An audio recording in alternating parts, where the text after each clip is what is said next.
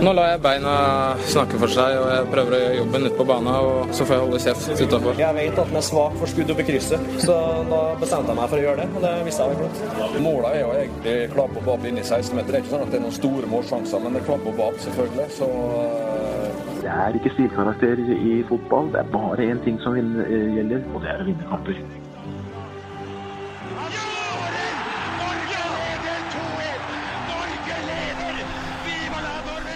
Og der er vi tilbake. Det er så deilig å være tilbake i eh, studio, eh, og ikke Det var veldig hyggelig å være her sist eh, i sommer sammen med Svein Erik Edvardsen og jeg. Nå, nå er vi her igjen. Vi, det, er på en måte en kickoff til høstsesongen. Vi har vært ute og tatt noen pils. en, en, en burger eller to. For unnskylde litt snøvling hvis det forekommer. Lasse Wangstein, velkommen. Takk for det, Martin Ropstad. Er det, er det deilig å være tilbake? Det er helt nydelig å være tilbake. Ja. Eh, om så disse Leeds-folka foran oss har gjort dette studio i overkant varmt.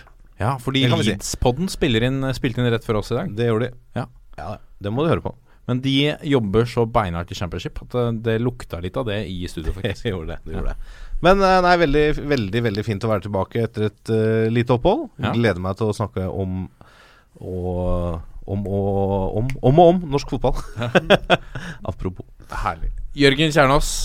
Hallo, fanta- hallo. Fantastisk å se, se ditt fjes. Ja, Nydelig å være tilbake igjen. da Du har uh, hatt, uh, vært på en slags uh, familieparkturné i sommer, har jeg sett på Snapchat. Ja, det, sånn blir det. Det tror vi har vært på stort sett det som har vært av familieparker og dyresteder. Og besøkt både lamaer og kuer og apekatter og pingviner og gud veit hva vi ikke har sett.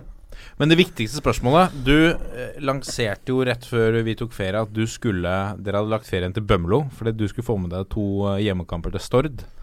Har du, fikk du sett Stord? Ja, vi fikk sett en av dem. Den andre dagen så var det litt familieselskap og elendig vær. og Det var litt dårlig stemning for en lørdagskamp klokka seks på Stord, så den, den forsvant. Men eh, Men dro du aleine, eller fikk du med Nei da, jeg fikk kona? med samboer, så det, det, hun og datter var på lekeplass og lekte der, da. Men det oh, ja, de vil ikke se Stord? Nei, jeg vil ikke se, men vi, vi har nå spilt litt fotball, og høydepunktet i sommer var det var en ballbinge rett ved der hvor svigers eh, bor. Ja. Eh, Så var den opptatt et par ganger hvor vi var der, for vi var der litt på sånn ettermiddagen. og Det er litt godt å se at faktisk ballbengene i Norge blir brukt, da. Absolutt. Eh, men så fikk jo ikke vi vært der, jeg og datteren min som er fire. Eh, så vi ble enige om at dagen etter så skulle vi kanskje prøve å komme oss litt tidligere dit, da. Så kanskje den var ledig. Så hun vekte meg kvart på sju en dag og meldte at nå kan vi dra og spille fotball. Så det er håp. Du fikk eh, Da blir du sikkert god etter hvert, da. Hvis du står opp så tidlig hver dag. Går i ballbingen. Ja, det, det blir man jo kanskje. Det, Kan jo kanskje se ut som kvinnefotballen i Norge trenger det. At vi har litt ivrige up and coming. Ja, det kan du si. Hva sikter du til? Er du skuffet over uh, sommerens mesterskap? Ja, jeg er, jeg er faktisk det. For jeg hadde litt forventninger til det. Og det er sikkert fordi det har blitt haussa opp litt i forkant. Men man forventer jo litt av et norsk kvinnelandslag. Uh, har bra historikk, har vunnet det som er å vinne tidligere. Ja. Uh, og tok sølv forrige gang, var det vel. Så det, jeg hadde forventninger. De har også verdens beste spiller på laget. Hun utretta jo Altså Ada Hegerberg utretta jo nesten ingenting. Men gikk hun litt sur, eller? Er hun litt, Jeg vet- som, vet er hun, er hun litt som Ronaldo, kanskje? At hun, hun, hun er ikke den beste i motgang? altså du må jo Uansett hvor god du er, så må du ha en eller annen form for støtte fra eh, lagkameratene. Det var kanskje ikke så mye av det heller, da. Nei. Men jeg syns eh, dessverre at jentene skuffa. Uh, null poeng, null mål, det hører jo ingen steds hjemme når du heter Norge eh, på det nivået der, I hvert fall på kvinnesida. Ja, på, ja, det er det jeg mener. På hører kvinnes- det ingen kvinnesida. steds hjemme. Det hører ingen steds hjemme, og det Ja, det er jo ganske sjokkerende, egentlig. Gitt at det var et sluttspill for, eh, for herrer, hadde vi vært eh, like skuffa? ja, selvsagt hadde vi det. Selv om Null poeng og null mål, da. Ja, ja. Så klart at en gruppe for gutta med Nederland, eh, Belgia og Danmark, det hadde ikke vært kjempelett. Men Jeg hadde du ikke tenkt da at dette i utgangspunktet er ganske vanskelig for oss? Jo, men Belgia har vel med sitt første mesterskap noensinne, og Danmark har jo slått og uh, Det skal jo ikke være superlett, men det er liksom totalinntrykket er jo under minstemålet uansett. Ja. Eh, og så er det jo et eller annet med eh, Når du bruker en spiss da som tydelig er ukomfortabel på venstreback, Mm. og så insisterer på at hun skal spille på venstreback Hvis Elise Thorsnes ikke er god nok da til å starte på topp, så får hun heller være på benken eller være hjemme, Ja. da. Uh, bruk nå en venstrebekk som back. Hun var jo Du så jo på henne at det her er ikke en plass hun trives på. Da er vi igjen tilbake til hva vi har diskutert tidligere med herrelandslaget. Bruke spillere i posisjoner de er vant til å spille. Og bruke, altså Er det så dårlig stilt med venstrebacker på kvinnesiden i Norge at vi må bruke en spiss der, eller er det bare for at hun skal spille? Altså det, det er greit at du har en og annen spiller som kan bekle flere posisjoner. Sånn som Maren Mjelde, som kan spille stopper og midtbane, f.eks. Eller på herresiden Håvard Nordtveit, som kan gjøre det samme. Men du kan ikke ha for mange av det. Nei. Altså Du kan ikke alltid ha en uh, indreløper som skal spille høyrekant, eller selv om det er innoverkant. Altså det Bruk de der de er vant til å spille, altså. Ja, det er en uh, pussig En slags uh, NFF-sykdom, virker det som. Som uh, vi forhåpentligvis er kvitt med A-landslaget. Ja, vi Og så har de kanskje lært, hvem vet, på kvinnelandslaget også, at eh, de gjør det litt annerledes neste gang. Sånn på det. Uh, men uh, har vi fått noen ratings i, eh, i sommer, Lasse? Har du oversikt Ja, over det? det ser sånn ut, og da får jeg beklage hvis en av disse er blitt lest opp før, for jeg tror vi har fått tre nye. Oh, ja. Mulig Men jeg, jeg dårlig med husken, etter å bli gammel. Jeg har sett, vi, vi la ut for eksempel La vi Ja. ut uh, og, og minna folk på at uh, hvis de trenger noe eh, nostalgi å lytte på i sommer Noe påfyll. litt flere lyttere i sommer. Altså. Så bra. Så hvis bra. man ikke har hørt på den ennå, du har litt sein ferie, gå inn og hør på Sluttspill-spesialen, VM98 med Arne Skeie. Ja, nydelig. Det var, eh, det Om var vi kan si det selv. ja, det var nydelig. eh, Men det var et eventyr å være med på. Rett og slett. Ja, ja, det var jo det. Vi har i hvert fall fått en eh, som har overskriften 'Fløte'. Det er fem stjerner fra 433-fanatiker. Denne pod- kan, kan det være Blakkeren? kan være Blakkeren. Denne podden er bare fløte for oss fotballelskere. Gode samtaler, bra gjester, bra synsing og bra engasjement for norsk ball. Stå på videre. PS. Inviter Fagermo som gjest. Ja. For en drøm Ja. det ville vært. Ja, jeg er helt enig. La oss Ja. gjøre det. Ja. Eh, så er det fra The Bentner Boys. Gir oss også fem stjerner. Dypt og godt. Hei, boys. Dere fortjener en liten sommerhilsen. Jeg elsker hvordan dere går i dybden og klarer å fremvise et helhetlig bilde av norsk fotball som få, som få andre klarer, om noen. Dere er best når alle gutta er i studio. Oppretthold spaltene, og ikke minst den som omhandler fantasy. Å ja, ja, fordi det, det er så gøy å høre litt forskjellige tilbakemeldinger. For det er noen som bare kuttet til fantasy dritt Ja. Ta, ikke ha så lange episoder. Ja. Og så er det andre som ja, må ha lengre episoder. Ja, det er umulig å please alle. Vi får variere litt. Vi får variere litt. Ja. Den siste kom fra RFB 1971, og her er den slående overskriften 'Norges beste fotballpodkast'. Oi, oi, oi. Spenstige programledere og gode gjester blir aldri feil. Siste med Edvardsen var klasse. Bra, Roppestad. Ja. Og Edvardsen. Bra, Og Edvardsen. Takk, Svein Erik. Håper å se han i sort på det høyeste nivået igjen. Drømmegjester er uten tvil Norges beste klubbtrener gjennom tidene, Nils Arne Eggen, sammen med landslagssjef nummer én, Drillo. Uh, ja. Og så avslutter han med når Pamodoka legger opp, som han da har gjort, bør han være en selvskreven mann å ha inn i studio. Blidere fotballspiller er vel kun Ronaldinho. Vi har faktisk sjekka ut det Pamodoka-opplegget. Han, men han bor jo i uh, Statene. Ja. Så det Han skal være en fått seg, trener for fått seg jobb der borte, han. Ja. I den klubben. Jeg husker ikke Timbers. Er det Portland? Portland. Portland Timbers. Uh, amerikansk kjæreste også, kanskje? Ja, det vet jeg ikke. Han har fam- stifta familie, i hvert fall. Ja, jeg mener han snakker amerikansk eller engelsk med kiden sin på, på Instagram. Så det, det lover jo ikke så godt for at han ofte er i Norge. Nei, men det kan hende han svipper innom. Ja, Hvis du hører på Pa, si ifra. ja Vi vil gjerne ha deg i studio. absolutt. I dag uh, skal vi gå gjennom uh, Vi skal selvfølgelig se nærmere mot uh, neste eliteserierunde, som endelig er tilbake. Ny runde i Eliteserien. Det er deilig. Så må vi selvfølgelig innom, innom pulsen. hvor det er en del spørsmål som vi kan stille oss. Kommer det til å snu for Fredrikstad? Kommer Sarpsborg til å selge seg ut av gullkampen? Det er flere ting vi kan snakke om der. Eh, ja, og så er det litt rykter og litt eh, overganger hit og dit. Folk har eh, Klubben har kjøpt litt spillere, solgt seg litt eh, ut. Uh, apropos Sarpsborg. Selger en spiller for 20 mil som spilte uh, to kamper. Mer om det seinere. Det er uh, god butikk de gjør der nede i Østfold, altså. Heng med! Heng med. Kan ikke gi deg nå, nå er det bare ni minutter gått. Dette er toppfotball. Og så, før vi går uh, videre i programmet, tenkte jeg at uh, vi kan unne oss uh, litt tid for å snakke om fantasy, Lasse. Ja, det har du vel lyst til nå, Martin? Fordi er det noen som har klatra? Ja, det er det. Langstein. Jeg kan jo si, da bare Kan du ikke bare si hvem som har klatra? Jo, det er jo Martin Ropstad. Absolutt. Og det, dette er jo litt uh, For nå er det jo en, en stund siden vi var her. Ja. I forrige runde, altså runde 16, så klinte jeg jo til, uh, rett og slett, og klatra over 50 plasser i toppfotballigaen. Til 48.-plass. Mm. Bra med poeng og ba, ba, ba, 70, ikke sant. Og så kom jeg ned på jorda igjen forrige runde. Da fikk jeg småfrekke 31 poeng mot landssnittet på 42. Nei, jeg fikk 31 poeng, sorry. Ja. Så da er jeg nede på 76.-plass i toppfotballigaen, der jeg pleier å ligge og vake, da. Ja, For landssnittet pleier å ligge rundt eh, 40 poeng, Ja, sånn pluss-minus. cirka. Jeg pleier å ligge pluss-minus landssnittet, men nå var det veldig minus, da. Hvis jeg sier at jeg har ligget eh, 10-20 poeng over landssnittet de siste fem rundene, er det sånn at jeg da pleier å ligge over snitt? Kan jeg si Ja, nå gjør du det. Ja, mange ting. Nå i det siste gjør det. Og da er du plutselig oppe på 54.-plass med 811 poeng. Ja. Vangstein 76.-plass med 798, og Lilleheie, som jeg trodde hadde meldt seg ut av toppfotballigaen, for jeg sleit med å finne den, 178.-plass med 750 poeng. Men han dro inn fire før eh, i forrige runde. Det er bra. Det. Ja, Jeg tror, det er et, eh, jeg tror eh, ser jeg på søndagen laget til Håvard er litt sovende. Sovende kjempe, det kommer, vet du. Ja. Akkurat som Strø- Strømsgodset gjør. Akkurat som Håvard. Han, Han er jo en sovende kjempe. Han er en sovende kjempe. Uh, Håvard er midt i TV- TV-prosjekt. I dag hadde han, hadde Nils, sønnen sin, så vi, vi håper å se han tilbake. Han er i gang med noen nye spennende TV-greier. Ja, spennende. Vi får ikke lov å si noe om det. Nei, vi får følge med. Ja, vi får gjøre det. Ehm, jeg kan ta toppen i, eh, i toppfotballigaen. Um, hva er det vi hadde til vinneren der? Jo, det var en uh, overdel fra, fra VM 98. Treningsoverdel. Ja, landslaget. Bjørn Hansen. Bjørn Hansens overdel.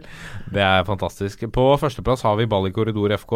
Anders. Jensens lag. Eh, Han er stabil i stabil toppen. i toppen, ja. Tror du han har jobb ved siden av? ja. Lærer, kanskje? Kanskje lærer. Det var det vi var inne på, ja. Lærer, ja. Tok 60 poeng forrige runde. 896 poeng så langt. Det er eh, to mann på 896 poeng. Uh, Hipster Unionen er på andreplass. Uh, Simen Aasum.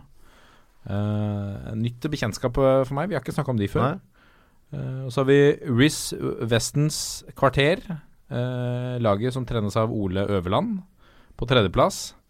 Uh, de heller har vi ikke snakket så mye om. Så det er skifte, altså det skifter fort i toppen her, altså. Det gjør det. Snur fort i ball, vet du. Ja, det gjør det. Så eh, det er ikke noen grunn til å gi opp eh, ennå. Nei, nei, nei. Så stå på med ditt Diptera Mundial, eh, Lasse. Du kan fortsatt vinne Bjørn Hansens eh, overdel. Ja, det hadde jo vært uh, strålende. Jørgen Kjernås, du har meldt deg ut av dette greiene. Ja, jeg har jo et lag, og, men jeg tror Daniel Fernandes er keeper på laget mitt. Og han blei ble jo tatt for litt eh, ting som står på dopinglista. Ja, har fått sparken i Lillestrøm, eller blitt enige om å terminere kontrakten, som det heter. Så Men du har valgt å gi han fortsatt tillit. Ja, hos meg så har han tillit. Det, nei, det eh, Det er litt sånn enten så må du nesten gå all in og bruke masse tid på det, eller så må man drite i det. I hvert fall er jeg litt sånn da jeg gidder ikke å eh, bruke liksom noen minutter få halvbra. Da blir det liksom litt sånn åh, da tar det to timer på fredagskvelden, og det, det har jeg ikke tid til. Så eh, Men du har valgt å kjøre Arna Førsund-taktikken, som er kun benyttes av internasjonale overgangsvinduer. Han starter ja, med han et lag. det. Ja, kanskje vi må feie inn et lag for høstsesongen. I hvert Ja, for du har jo wildcard, ikke sant. Du kan bytte hele laget gratis. I hvert fall vinne høstsesongen, da. Det får være et mål. Så jeg får gjøre det til vi møtes neste gang. Og så eh, Det er jo sånn som man sier når du ligger under 7-0 til pause. Da. Nei, vi går i hvert fall for å vinne annen omgang. Så jeg får Det er vel der jeg er. Så vi, jeg går for å slå dere i annen omgang, på en måte. Jeg går, skal knuse dere i høstsesongen. Ja, gutta, da går vi ut på banen, og så vinner vi andre omgang. 1-0, liksom. 7-1. Herregud. rett og slett. Nå kommer pulsen. Da er vi kommet til eh, pulsen, og eh, ukens uh, puls, den første på mange uker, begynner med denne Årets Vardi-spalten vi har, Lasse. Eh, Ja. Men spalten skal ikke fortsatt hete Årets Vardi. Nei. Vi må jo Fikk jo noe innspill på det òg. Vi, vi er jo lydhøre. Absolutt. Og det er jo egentlig et godt innspill at vi kanskje ikke bør kalle opp etter en utenlandsk spiller, siden vi er her for norsk fotballs fremme. Ja, og på en måte hvis vi hold, når vi holder på med dette i, i Hvis vi holder på med dette i 15 år til Vi kan ikke la det bli hetende Årets Vardi. Nei, vi kan jo ikke det. Så det har kommet inn noen forslag, og så skal vi vel eh, kjøre i gang en liten poll på Twitter. Ja, for vi har en konkurranse om dette også. Ja, vi har det. Og da kan man vinne en original EM 2000-drakt. Yes. Norsk Yes. EM 2000-drakt. Fra det store, utømmelige hvelvet til Martin Roppestad. Med fotballmemorabilia. Ja, det, det er riktig. Jeg, fikk, eh, jeg var kontorassistent og løpegutt på, i, eh, på Ullevål stadion for eh, elleve år siden. Ja. Så da fikk jeg, fikk jeg raska med meg noen greier som jeg Jeg hjalp. Noen ganger så lønner det seg å ta jobben. Noen ganger lønner det seg å ha en nøkkel så du kommer inn på lageret. er Noen ganger lønner det seg å hjelpe materialforvalteren. Han kom inn i kantina, spurte materialforvalteren til landslaget Er det noen som kan hjelpe meg å rydde på lageret. Eh, det var ingen som meldte seg. Eh, jeg var yngst. Jeg måtte. Dro hjem med tre sekker med landslagsdrakter. Ja, mine der herrer. ser du. Oi, herrer. oi, oi, oi. Ja, nei, fantastisk. er. Ja. Nei, så vi får vel prøve Vi har fått noen Men da kan jeg bare få skyte inn da. Mm. Uh, for nå hadde vi jo For noen uker siden så kjørte jo VG i gang. Da hadde jo de en svær jakt her. Fordi damene vant jo VM i 1995. Ja. Pokalen er jo søkk borte fra Ullevål stadion. i- Eh, ingen som veit hvor den er. Den har jo blitt borte, og er mistenkt at noen som har jobba på! Ullevål, har knabba. Det er et, jeg, jeg hadde i hvert fall sjekka leiligheten til Martin Roppestad. Jeg ville jo vurdert kanskje at vi må kreve noen bilder av nattbordet eller et eller annet her, for å se hva som faktisk står der eh, nå. Ja. Lageret Ja. Det er slapt å ha en VM-pokal på nattbordet. Altså. Jeg må innrømme at jeg har ganske få. Alle mine VM-pokaler står på nattbordet. Å, ja, ja. Martin har brukt det som sjekketriks, så skal du være med hjem og se på VM-pokalen. ja, ja, ja. ja, ja, Det ja. Flott, det. Nei da. Men eh, ja, vi må finne et nytt navn, da. vi skal altså uh, Det som er vårt, uh, vårt mission akkurat nå Vi har fått inn øh, så mye som 1, 2, 3 Syv øh, forslag fra lyttere Og de skal, skal skaleres ned til tre. til tre. øh, og disse tre skal stemmes over på Twitter og Facebook. Ja. Eh, hvorav vinneren, den med vinnerforslaget, vinner da denne drakten. Ja, det gjør Eh, da vil jeg gjerne lese opp det som er innsendt av forslag. Gjør det? Eh, det første er Rune Rønning, som har sendt inn Årets Johnsen. Som er vel fra Frode Johnsen. Mm. Eh, Jan Martin Knashaug sendte inn årets King Kong. Eh, eller årets King. Mm. Han var, eh, det var valgfritt fra, fra Joshua King. Kristoffer Riise Fuentes sendte inn årets Rush fra, med tanke på Rushfeldt. Johan Sjøberg sendte inn årets Trøn med Mhm. tanke på fjorårets vinner. En slags vandrepokal. Ja, ja, ja. Jeg liker det. Kim Are med to forslag. Kim Are, vår faste lytter og bidragsyter. Hei til deg, Kim Are. Hei, hei. Sendte inn både årets Løvik og årets Kåsa. Så to uh, hyppige målskårere i norsk fotball der altså. Mm. Uh, og så har vi Erland Nørstebø, som har sendt inn årets uh, Brattbakk. Ja. Eh, det er alle Jeg syns det er alle gode kandidater, altså. Gode kandidater. Jeg er jo litt svak for årets Løvik. Og du er det? Ja, for jeg er litt glad i de sånn eh, glemte heltene. Ja. De som eh, Og han gikk jo en litt sånn kalde, tung vei opp til toppdivisjonen, og fikk jo en ålreit karriere ut av det. Så jeg eh, Grasshoppers, Ja, var det ikke noen grasshoppers? Spilte du det? tror jeg? mener det. Så det, ja. Jeg stemmer litt for eh, Løvik, i hvert fall, at han er med. Jeg tenker jo at altså, Johnsen er Det er litt synd at Frode Johnsen har et såpass anonymt navn, hvis du kan si det sånn, da. Ja. Men bortsett fra det, så var jo også Frode Johnsen Var vel 4-25 eller noe før Late han deb- bloomer. debuterte for Odd og endte jo opp da på landslaget og vinne serie og spille Champions League med Rosenborg osv. Så, han har jo på en måte hatt den karrieren som vi på en måte leter litt etter, da. Og hadde sin siste landskamp da han var 40, eller noe sånt. da Ja, noe sånt. Det er jo, det Ja, er jo ja, et det- eventyr, det. Ja, det er et eventyr. Eh, da mener jeg at vi, vi må ha med, for det syns jeg er et fantastisk forslag fra Johan Sjøberg, årets Trøn. Ja, enig. For da setter vi en slags president, eh, ikke president, men presedens for neste år. At neste års pris, fjorårets vinner osv. Men sånn som i år, da. Ja. Altså, vi, hvis vi ser på årets sesong Det er lett å være etterpåklok, så ser vi jo det at Endre Kupen har en mye bedre sesong enn Trøen så langt. Yes. Og hvem Du mente at hadde Kupen. skulle vinne? Ja, du hadde jo selvfølgelig det. Ble nedstemt. Sånn er det jo. Ikke det forkleinelse for Martin Trøen. Nydelig spiller. Nydelig spiller, nydelig type. Det men- må jo skytes inn at Martin Trøen har missa størsteparten av våren med skade. Ja, skade. Ja, ja, men det er jo en del av gamet, på en måte. Eh, er Endre Kupen en kandidat til årets et eller annet? I, igjen? Kan han være en kandidat nok en gang? Hva sier Eller du? må han da signere for en elit- eliteserieklubb nå i sommer? Roret til breddeekspert Jørgen Kjernas, vær så god. Altså Nå er jo Endre Kupen kanskje den heiteste spissen vi har i norsk toppfotball for tida. Han har jo nå ni mål eh, på nivå to, og de er, så godt som alle har kommet i løpet av siste ja, halvannen måneden. Så eh, hvorfor ikke? Han eh, burde kanskje hatt den i fjor, og har jo fortsatt ikke kommet seg opp på øverste nivå. Men Nei, han har gått ett steg opp siden i fjor. og det han driver med nå, gjør jo at han bør være høyaktuell for å få lov til å spille i Eliteserien i løpet av i hvert fall et års tid.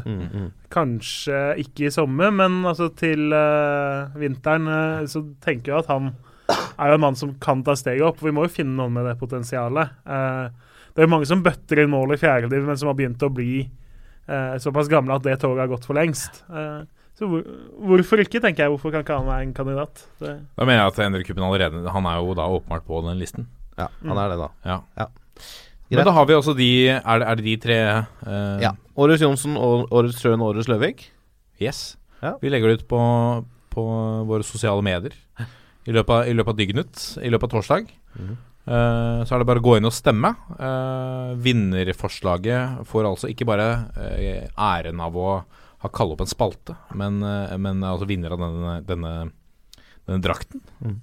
Eh, så gå inn på våre SoMe og, og stem. Uh, hjelp oss med å avgjøre det. Mens vi er inne på denne spalten, da. Uh, hvis navn foreløpig er uvisst. Jørgen Kjernås, uh, har du noe news til oss på, på eh, Vardi-fronten? Årets Vardi? Ja, vi må jo prøve å finne noen kandidater her, da. Mm. Det, og en som vi vel har snakka om i litt andre sammenhenger òg, er jo Alexander Dang, som nå spiller i Nest Sotra. Eh, som har et vanvittig målsnitt i tredjedivisjon de siste årene. Eh, og så gikk han til Nest Sotra før denne sesongen her. Eh, og har fortsatt å stå da med 15 mål eh, til ferien eh, for Nest Sotra. Uh, og vært litt snakka om nå at bl.a. Åsane og et par andre klubber på nivå over snusbanen. da. Eh, så det mener jeg Det er jo en mann som skårer så vanvittig mye, og han gjør det faktisk i annen divisjon, at han har definitivt potensial til å kunne ta steget videre opp, da. Du snakket mye om han i fjor, husker jeg. Ja, han bøtta jo Altså, han har jo et helt vilt målsnitt de siste fire åra. Så en selvsagt kandidat, tenker jeg da. Men kan han klare seg i Obos, f.eks.? Ja, hvorfor ikke? Det, Hvor gammel er han? Har han blitt Han er i midten av 20-åra. Okay. Uh, så det er ikke noe sånn at perfekt, Men eh, det er samtidig, ikke sant Det er noen av de vi kanskje må lete etter. Uh, og så har vi snakka om Endre Kupen. Han får jo nå en utfordrer, eller en kam lagkamerat, eller hva vi skal kalle det. Torbjørn Aabrekk kommer nå fra bergensklubben Varegg. Uh, der har han skåra 18 mål så langt eh, i tredjedivisjon denne sesongen her. Eh, var opprinnelig vel midtstopper og liksom uh, Han er fra Eid, hvis jeg ikke tar helt feil. Uh, forsvant liksom litt unna Sogndals radar og havna i Bergen for å studere og sånn. Så har han blitt spiss og skårte bøttevis med mål i fjor. Og så har han fortsatt i år når nivået har blitt tøffere. Og grunnen til at jeg nevnte Kypen, er at nå har Torbjørn Aabrek signert for nettopp Florø. Så han er jo på en måte litt på vei opp den stigen. da Levd lenge nede i bredden og så gjort det bra nå, og så får han sjansen uh, på nivå to.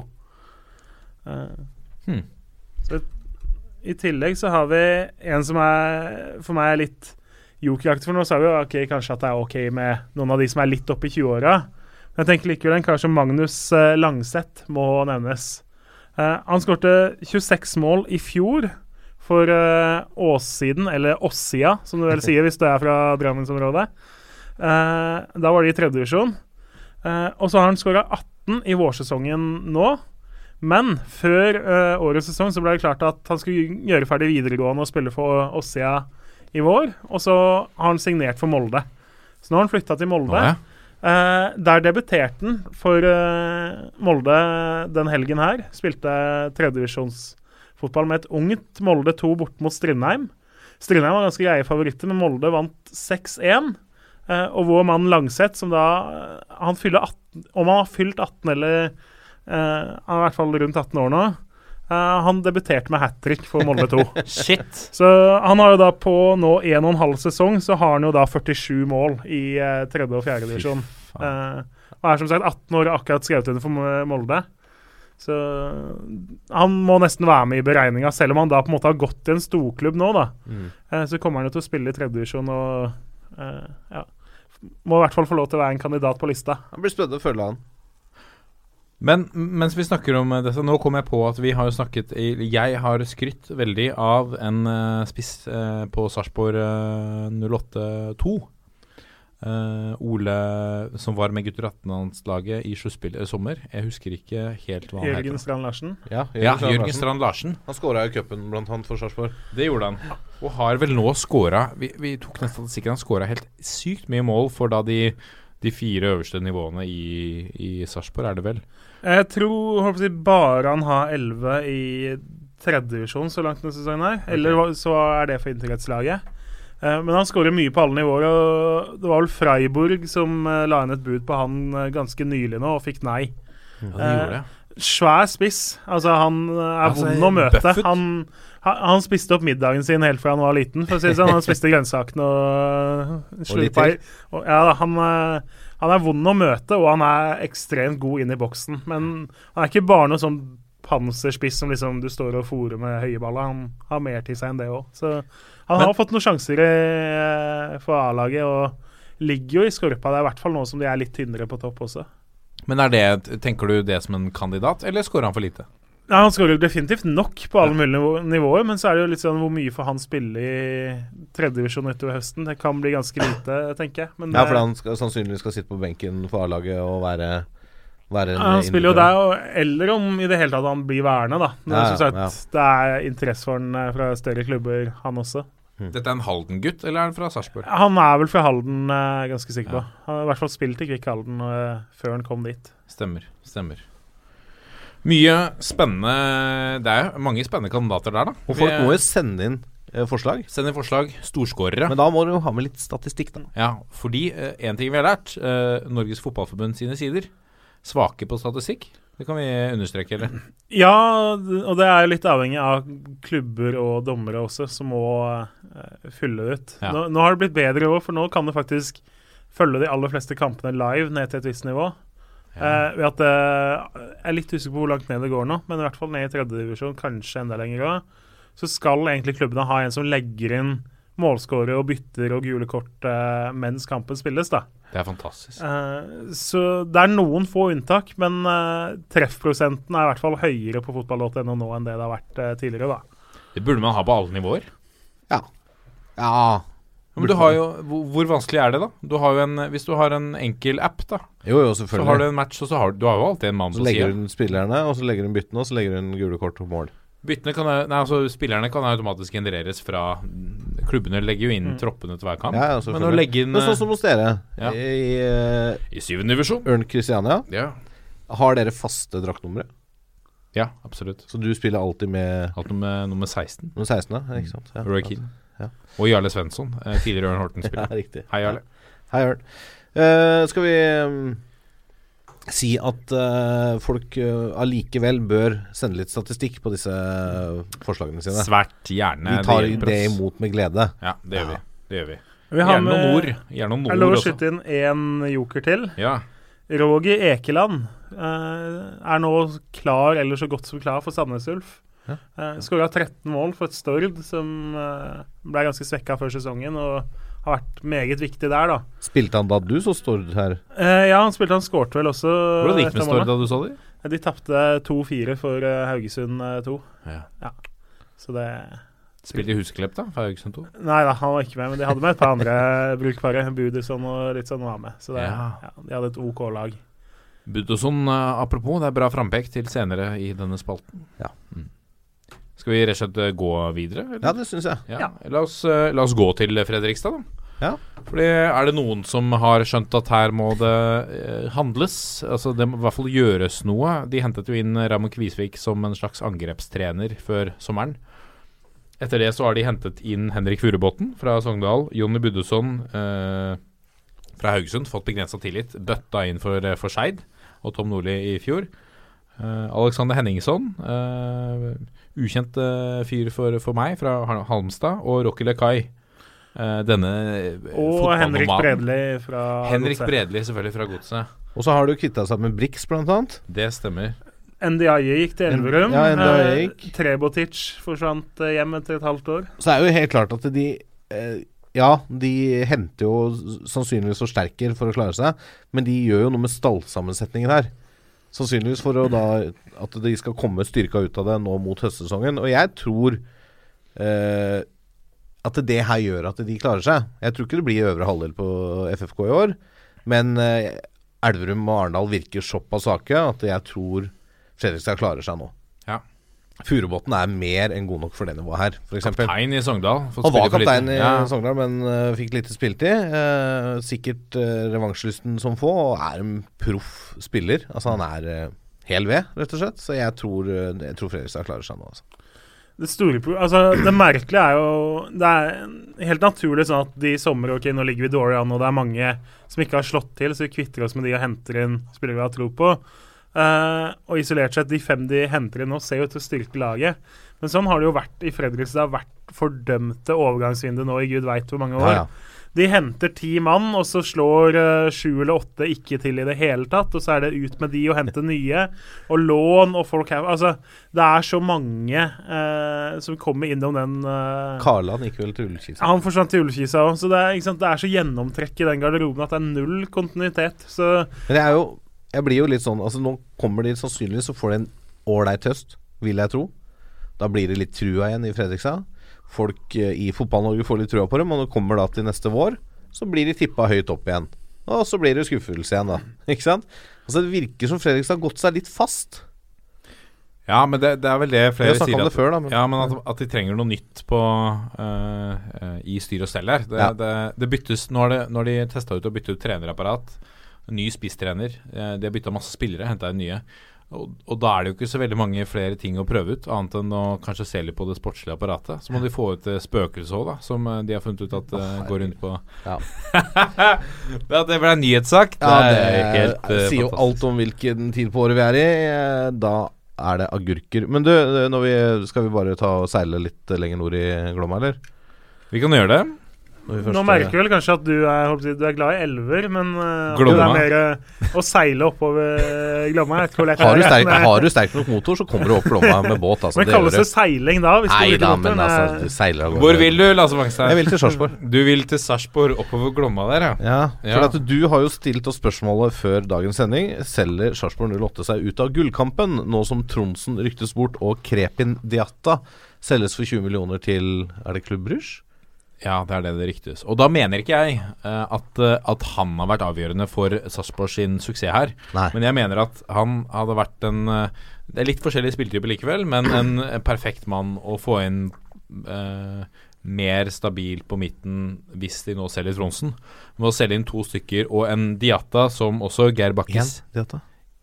Aldri igjen, selvfølgelig. Å selge Diatta til uh, eh, ut av laget. Se, nå ble jeg helt satt ut. Ja, ja, men det, Ja. Um, å selge Diatta, uh, som er på vei opp, ifølge Geir Bakke, det han har sett på trening de siste dagene de, han, han sier jo selv at det gjør meg vondt som fotballtrener å selge denne karen, for Ja. han ser at han kan herje Eliteserien. men du, du, du Altså uansett, hvis ikke du heter Rosenborg, Ja. så 20 millioner på bordet for en spiller som har sy ni kamper, to fra start og null målpoeng. Det er ikke noe å tenke på. Det er jo butikk, da. Ja. Jeg har vært der et halvt år. Ja. Men det er klart men sånn er det i norsk fotball. Det må vi bare Når vi henter sånne talenter som kan bli noe, Ja. så er, kan det hende at han har vært scouta av Klubb Bruges tidligere. Ikke sant? Og så har han nå Nei, så ble, ble det ikke noe av da. Da gikk han til Sarpsborg. Og nå Nei, nå tar vi den før han blir altfor god. Mm. For de skjønner hva som at dette kommer, de òg. Smeller 20 millioner på bordet. Sarpsborg har ikke sjans til å si nei til det, ikke sant? Nei. Tror Nei. jeg, da. Nei, og det er jo eh, sånn sett nok en gang eh, eh, fantastisk klapp på skuldra og eh, stående applaus til eh, Sarpsborg 08 for fantastisk eh, overgangspolitikk. De gjør en fantastisk jobb der nede, men jeg tror at Altså, én ting er at jeg tror ikke de selger seg ut av gullkampen, for den tror jeg er avgjort uansett. ja. Så jeg Men selger de seg ut av, uh, av Europaligaplass? Ja, det kan hende, men, men samtidig så virker det på, på at de er såpass godt rusta der nede at de har Enten så henter de en eller annen som går inn og gjør jobben, som gjør at det, det, liksom tapet ikke blir så stort hvis Tronsen også forsvinner. Eller så har de den vedkommende allerede i sine rekker integrert i laget.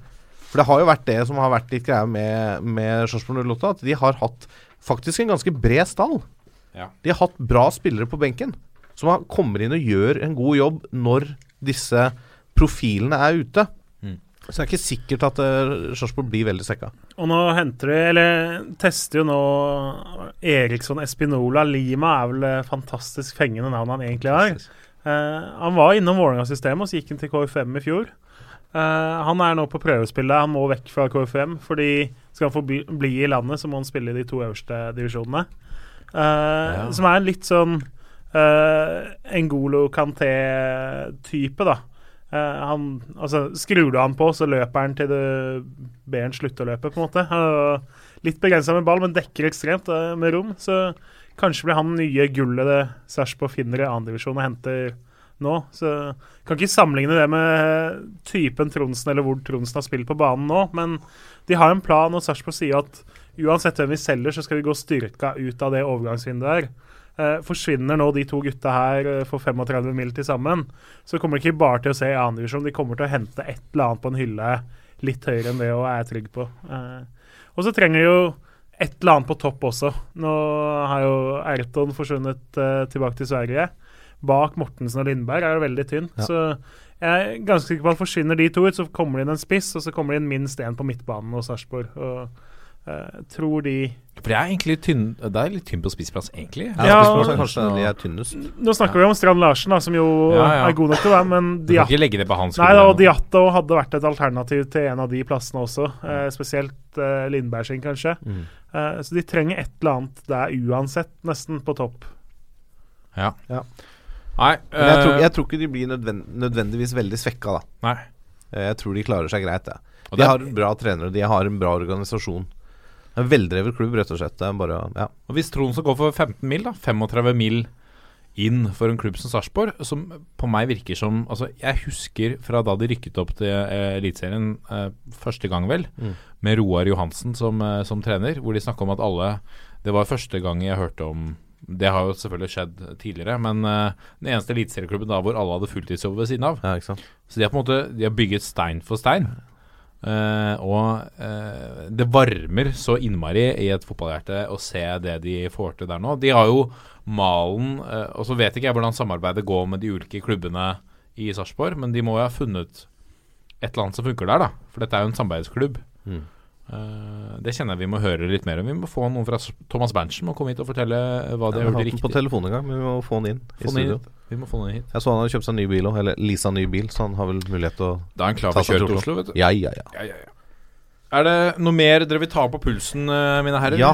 ja. Har du noe Har du en høne å plukke med noe? Nei, jeg har ikke en høne å plukke, men jeg lurer på Apropos når du sier at det varmer. eh, Jeg lurer på om eh, Molde-supportere blir varm om hjerterota av Vegard Forren. Ja, riktig. Og hvordan han eh, holder på. Ja. Eh, altså, vil Molde-supporteren trykke Vegard Forhen til brystet nok en gang? Etter at han åpenbart flørta med og nærmest var klar for Rosenborg før han uh, ditcha de og dro til Egeland for å se noen championship-kamper fra tribuneplass. Og tjene gode penger på det? Eller er det liksom Ja, ja, nei, Vegard Forhen han er knall fyr. Han er velkommen tilbake og kort kontrakt og gleder oss til han her. Hva er greia der, liksom? Jeg har ikke helt tak på det. Jeg syns jo først og fremst det er litt merkelig da, at Molde er, lar seg bruke nesten litt, syns jeg nå, da, Vegard Forhen. Uh, nå har han signert en kontrakt ut 2017 igjen, uh, og da viser jo han med all tydelighet at her har jeg egentlig ikke lyst til å være, men jeg fant meg ikke noe annet alternativ akkurat nå.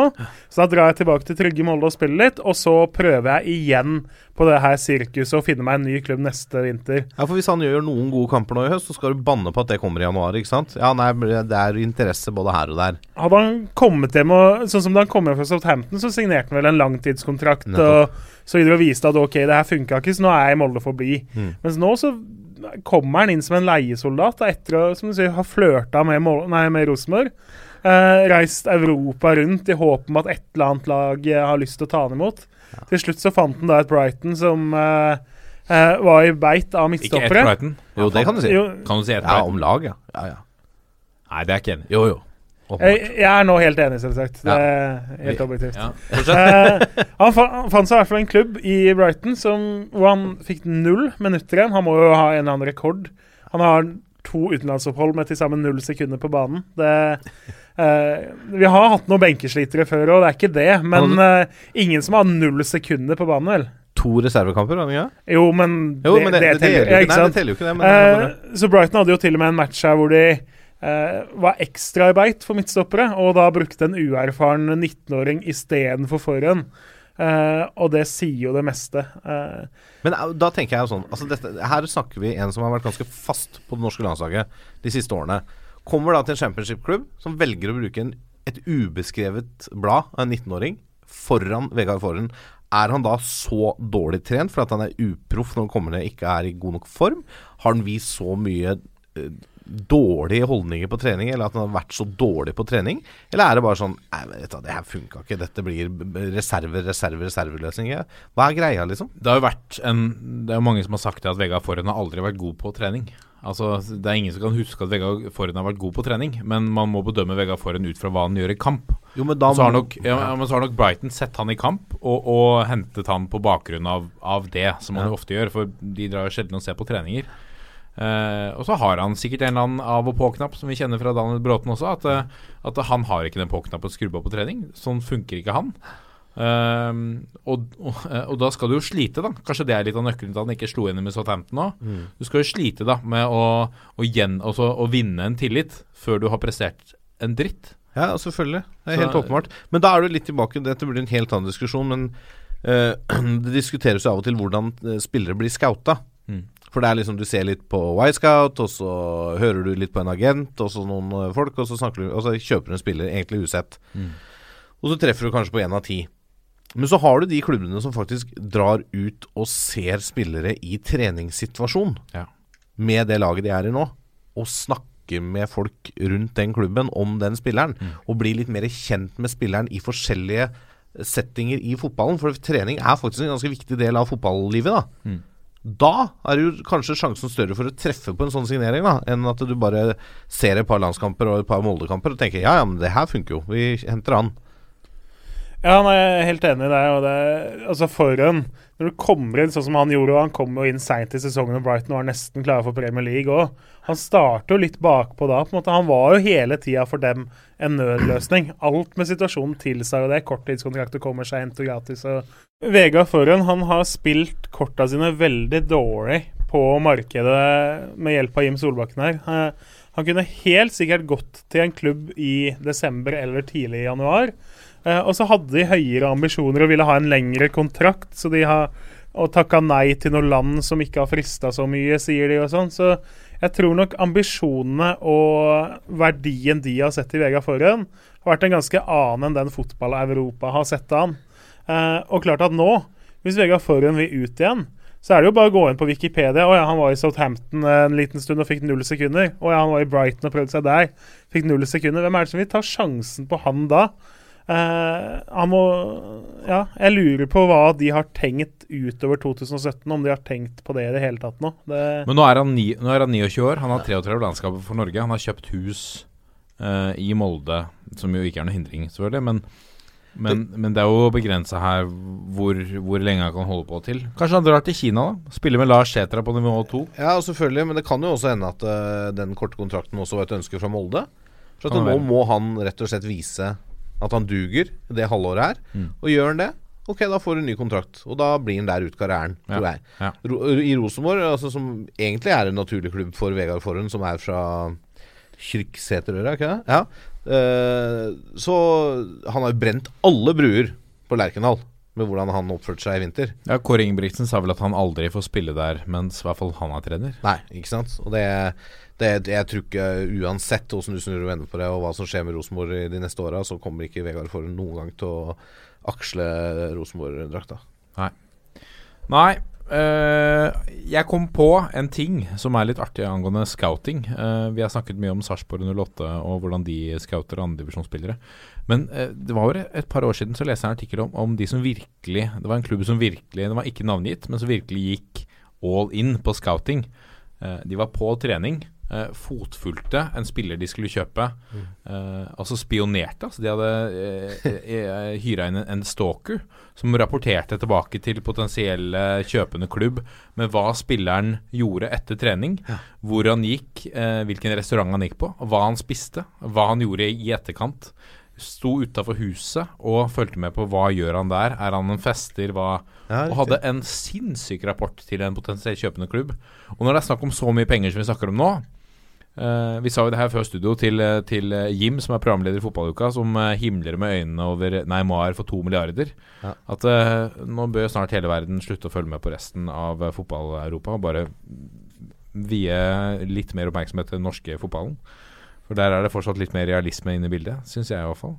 Ja, det er jo det. Altså, men, men det er jo Altså De summene det snakkes om ute i Europa nå, ikke sant? Neymar 228 millioner eh, euro, ikke sant. Og så snakkes det om at kanskje da Barca henter Coutinho for 150 millioner euro. Altså, det, det blir så store summer for en fotballspiller som kanskje skal være der i tre, fire, fem år. Og, altså, tenk om Neymar brekker beinet på fredag! Ja, ja.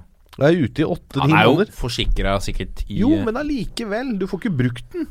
Nei, nei, nei ikke det er jo helt ikke. sinnssyke summer, og så kommer lønn og sign-on og agenthonorar på toppen av det her. Ja. Så det er ikke bare 228 millioner eller 222 millioner euro. Det er mye, mye, mye mer. Ja. Så det er jo, det er jo helt uh, spinnvilt. Det, det, mener jeg gir norske eliteserien, norske fotballen, en ekstra verdi, da. Når vi ser at klubbfølelse er på vei ut i europeisk fotball. Gir det litt mer ekthet, så syns jeg, da. Ja, ja, ja. Men altså, sånn er det jo i, eh, på de høye toppene. Altså, det er jo ikke supportere, det er jo konsumenter og kunder eh, de klubbene egentlig har, på en Ja, ja. måte. Eh, det samme så vi vel kanskje på Ullevål nå, når uh, Manchester United var der og spilte mot Vålerenga. Hvor du må betale en uhorvelig sum for å se en gjeng mangemillionærer uh, leke seg med et lag som da fikk bank av Raufoss i Andersson dagen før. Eh, fordi i annen gang så stilte Vålerenga nesten samme lag som de gjorde i Andersson mot Raufoss. Mm.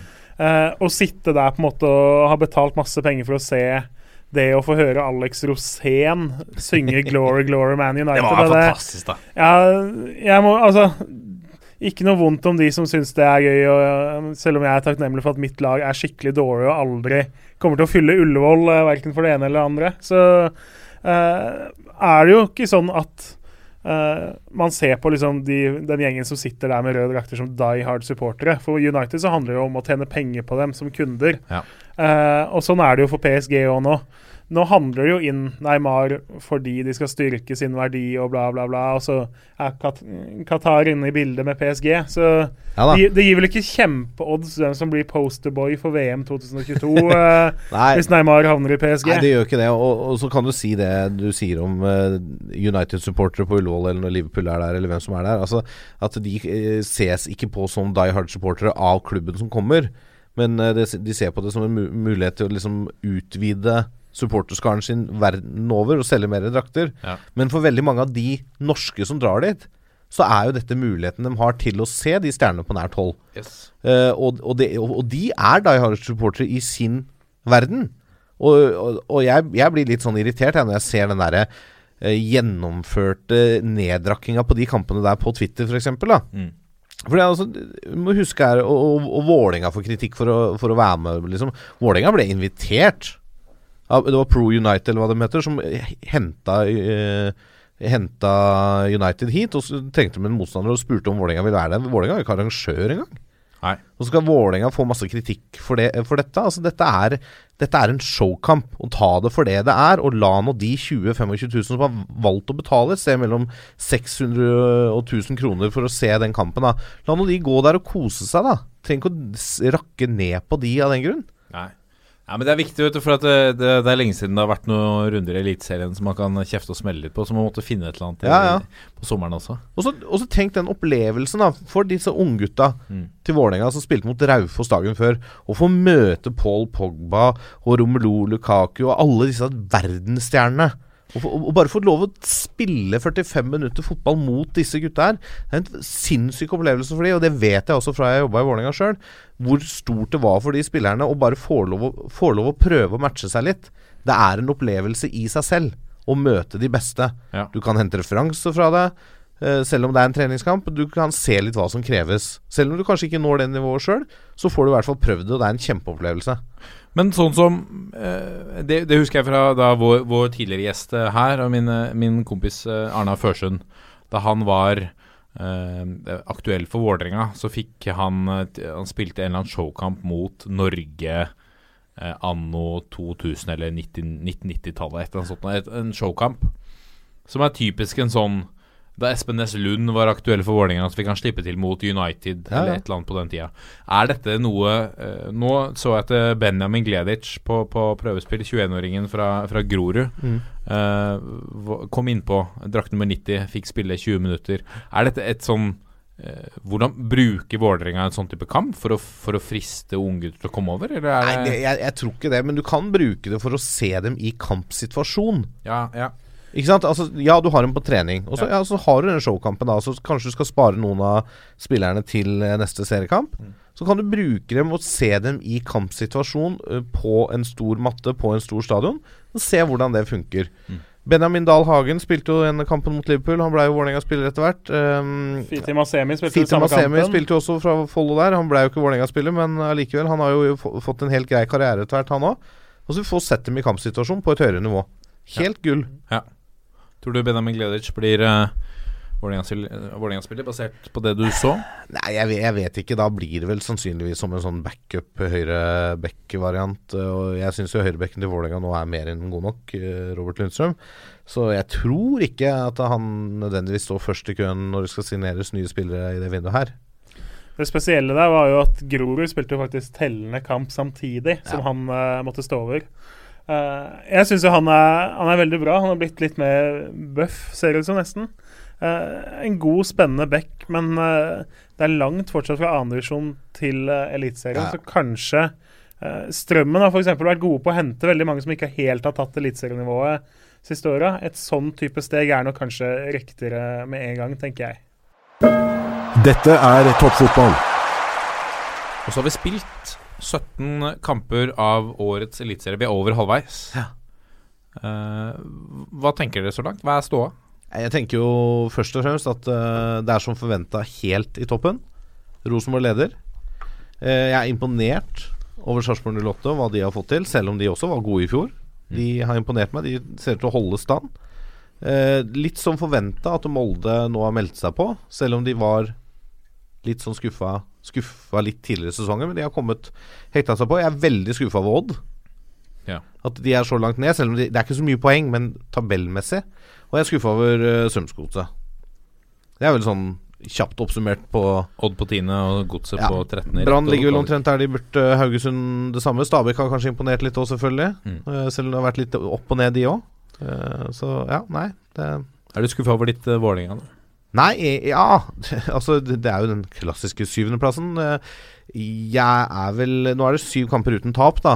Eh, Så jeg syns Vålerenga begynner å ligne på det jeg hadde forventa av Vålerenga under Deila. Men jeg har også sagt at jeg tror Deila trenger litt tid.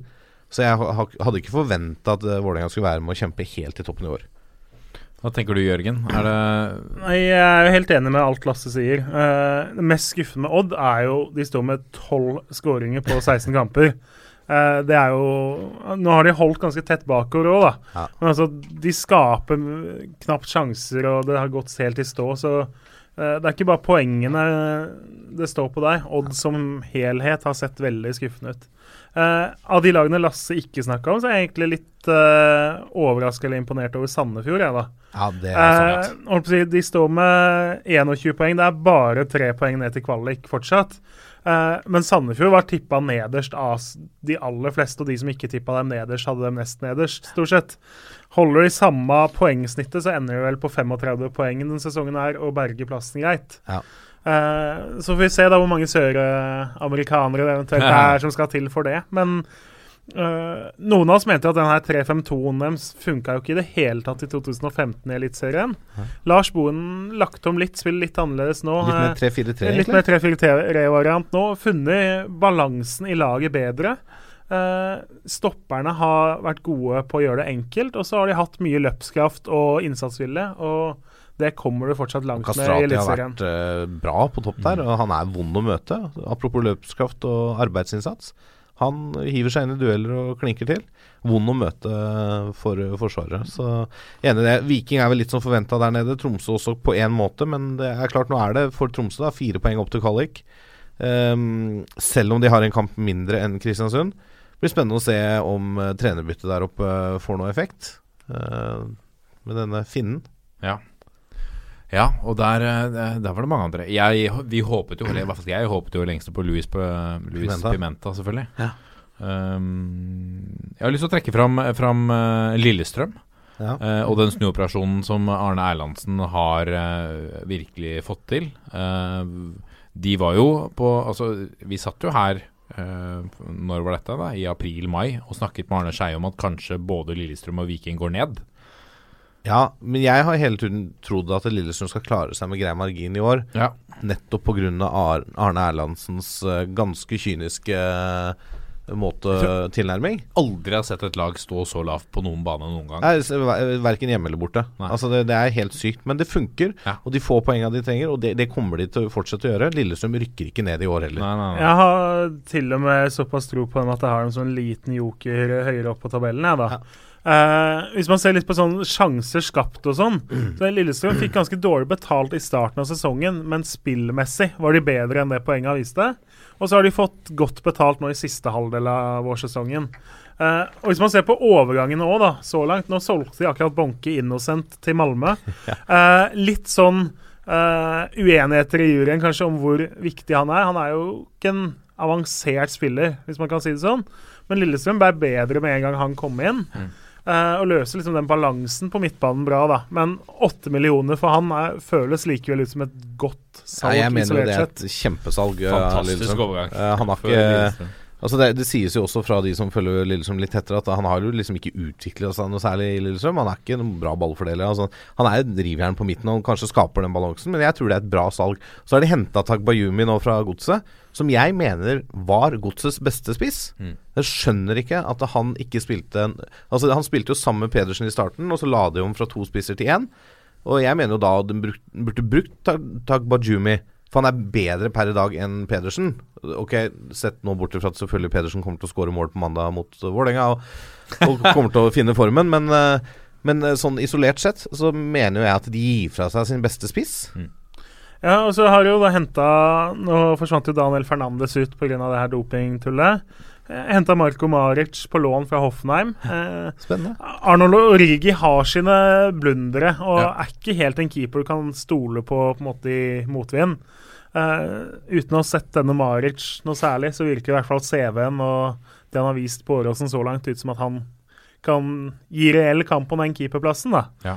Uh, og så har vi henta én kar fra, som kommer inn på midten. Charles kommer inn der. Prins Charles uh, skal spille.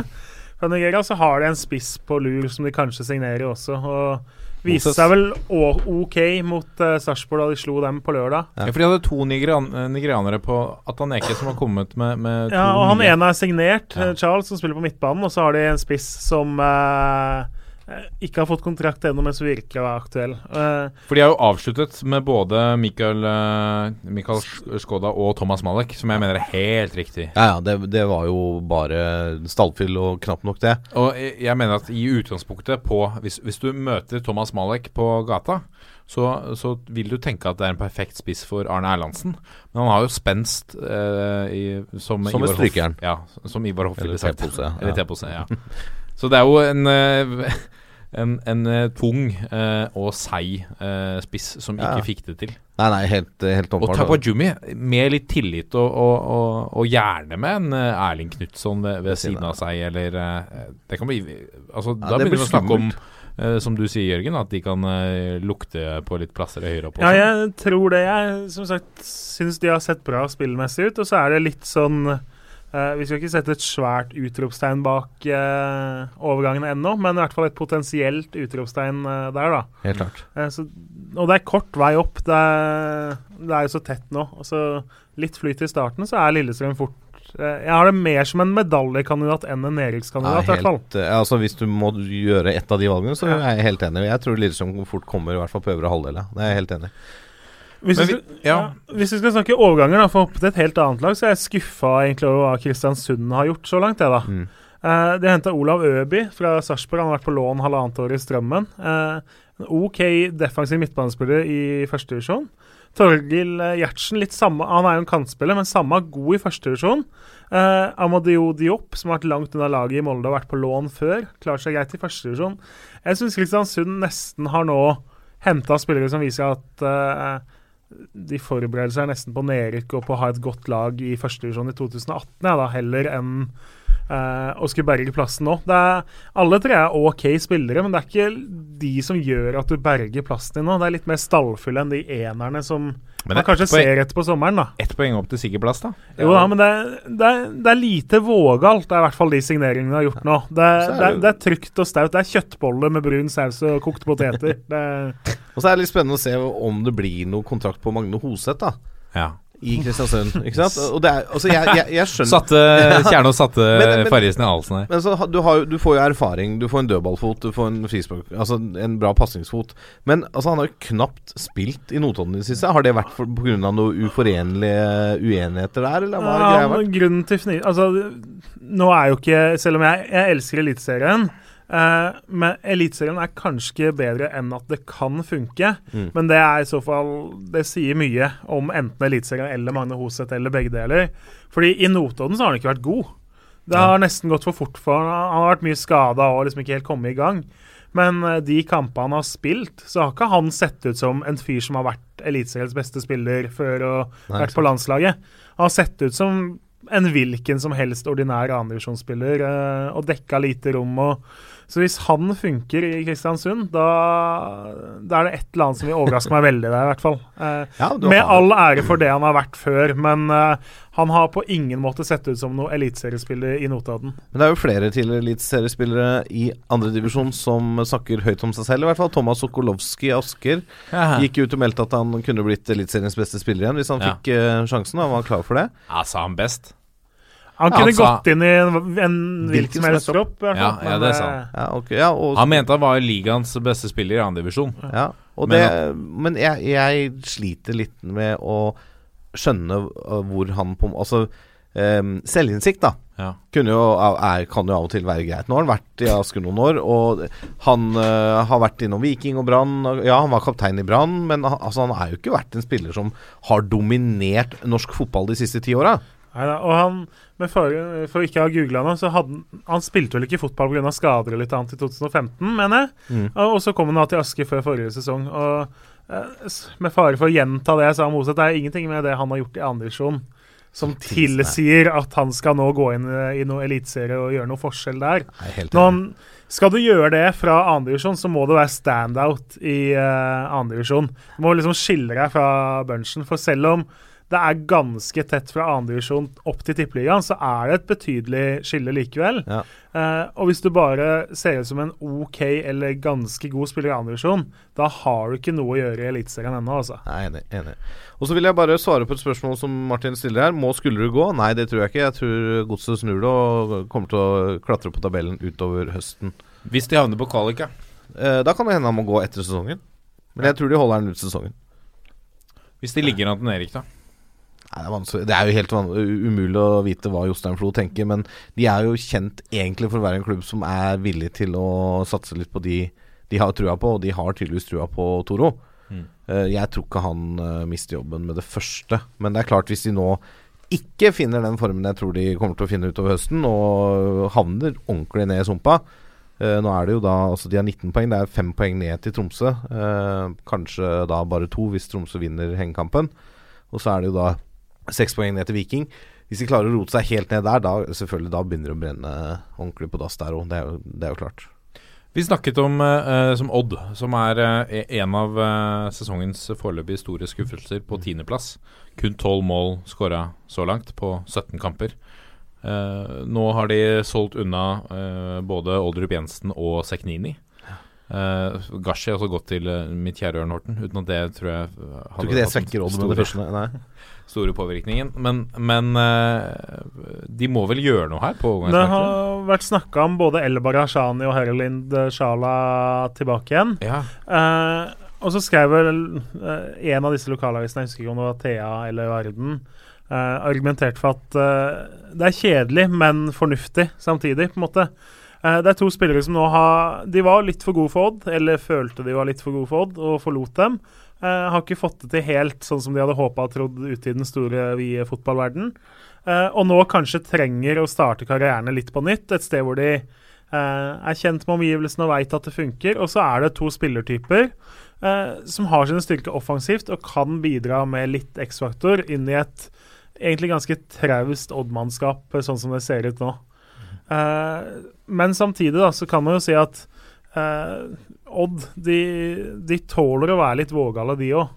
Ja, eh, nå har jo Joakim Våge Nilsen vikariert litt i den dype rollen, men om han er den de har tenkt at skal gå inn permanent for uh, Oldrup Jensen det, Han har vel også kontrakt som går ut etter sesongen og ikke vært helt villig til å signere en ny. Så eh, det først, de må også se der. Odd har en ganske stor tankeprosess og må ha inn noe nytt blod. eh, I hvert fall framover på banen nå. Men så er det uansett såpass jevnt, da. Odd har 22 poeng, har én kamp mindre spilt enn de fleste. Eh, og det er jo da bare seks poeng opp til Molde på tredjeplass. Og da hvis de vinner hengekampen, så er det jo bare tre poeng opp. Så de er jo ikke altfor langt bak. Det er såpass tett nå mellom tredje og egentlig tolvteplass at uh, alle de som ligger i det sjiktet der, kan jo være med å kjempe om og, en e-cup, i hvert fall. Vi må touche innom uh, ditt uh, Vålerenga også, Lasse. Ja. Uh, Adam Larsen Karasai inn på keeperplass. Det ligger vel i kortene også at uh, nåværende førstekeeper, uh, Sandberg, forsvinner? Ja, jeg vet ikke om han forsvinner. Er, du har jo også Aslak Falk, da.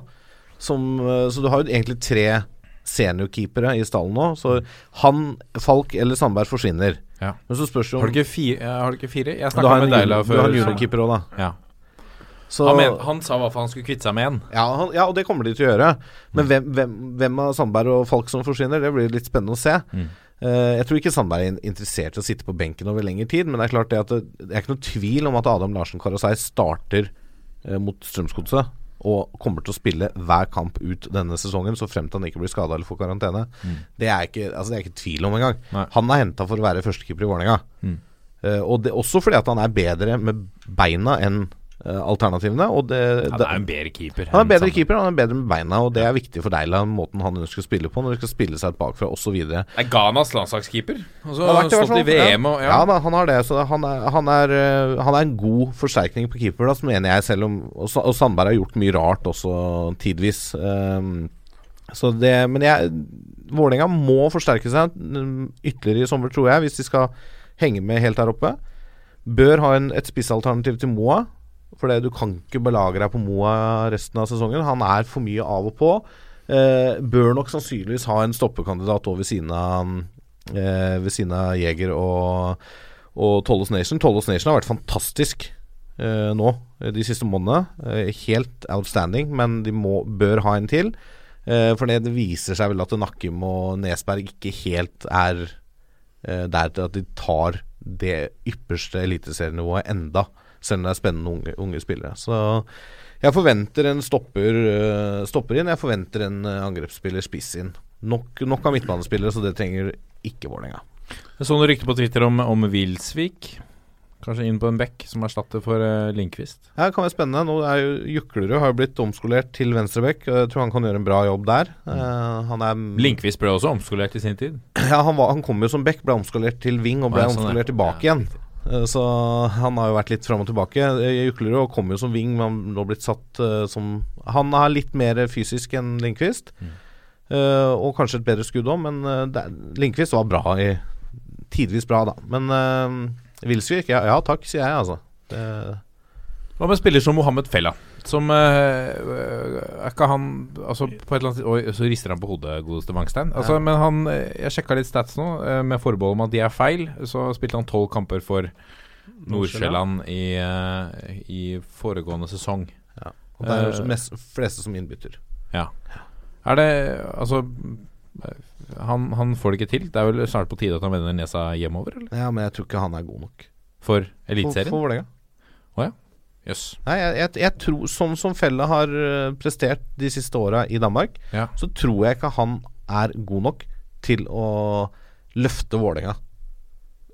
Ok, det kan godt hende at de tenker han som en erstatter for Gya Saeed hvis han forsvinner i den T-rollen, for det er jo den rollen Felle er klart best i. Men eh, da vi, da, Altså, jeg håper jo det, for jeg liker jo Fella som type og som spiller. Eh, men det han har vist de siste årene Han har ikke vært i nær Altså Han har knapt nok spilt Altså for Nordsjælland. Eh, har vært eh, benkesliter. Siste kampen har han ikke vært på banen engang. Mulig han er skada, men han har ikke vært i, nei, i troppen engang. Så nei. Ja, nei, jeg, jeg, tror, jeg tror ikke han kommer uh, nå, i hvert fall. Jeg tror ikke det. Nei. Vi Men- må, før vi Ja. Jeg har én spiller til ja. som vi må nevne, og det er jo Mushaga Bakenga. ja. Ryktes til Viking. Ja, eh, og det sies jo noe Eller han har nå fått beskjed om at han får lov å gå fra Rosenborg. Fått beskjed om at han får lov å komme til Viking. ja, ikke sant? Eh, og de, jeg mener jo nå at uh, Bakenga må tenke litt hvilken type klubb skal han gå til, og hva slags fotballspiller de. Mm. For han er åpenbart ikke en 4-3-3-4-5-1-spiss. Han er en 4-4-2-spiss. Han må ha en spissmakker. Han er ikke kant heller. Han må ha en spissmakker. Da funker ikke Rosenborg, der han er nummer tre i køen bak eh, Bentner og Williamson. Og da må han finne seg en klubb som spiller med to spisser, mener jeg da. Mm. For han er jo åpenbart en god spiller. Kan han spille i par med nysignerte Tommy Høiland i Viking? Ja, hvorfor ikke? Hvis de skal bruke to spisser. Kan vi, skal vi bruke noen sekunder på å gå gjennom alle signeringene som Viking har gjort for å redde plassen? Ja, hvis du gjør det på noen sekunder, så er vi imponert, si. Lykke Eh, til. Tommy Høiland, Tor André Sørås, Fredrik Torsteinbø, José Manuel Cruz, Sime Gregov og Ross Jenkins. Ja. Og så har de sendt eh, nesten like mange ut av Stavanger stadion. Det har jo ja, Stavanger stadion. Ja, det er ja, gamle. De sendte bort på Stavanger stadion, da. Ja, det Via der. Et par av de som har gått ut, hadde vel kanskje passa bedre på Stavanger stadion. Ja. si. Eh, nei, altså Viking har jo vært nødt til det når det ligger heter sånn til. Stavanger de- Viking stadion. Viking stadion. Viking stadion. Ja, sorry. Mm. Videre. Samme som klubben. Uh, Idrettslaget. Ja. Nei, altså Patrick Pedersen var en flopp. Uh, Apia Ledger var på lån. Shroot var på lån, han også var ikke i nærheten av laget. Eh, Karol Metz eh, har vært elendig denne sesongen her etter å ha vært ganske dugende eh, et par år. Eh, så det er klart at det er ikke noen spillere som vil bli savna veldig lenge, det her.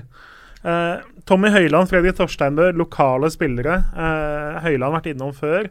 Eh, at de kommer hjem nå, er litt sånn uavhengig nesten av tabellsituasjonen. Klart Hadde Viking ligget i medaljekampen, så er det ikke sikkert de hadde kommet. Men eh, to spillere er godt for dem å få hjem uansett, og som kommer til å bli selv om det blir nedrykk. Uh, Tore André Sørås, en av de mest spennende spillerne andredivisjon hadde å by på.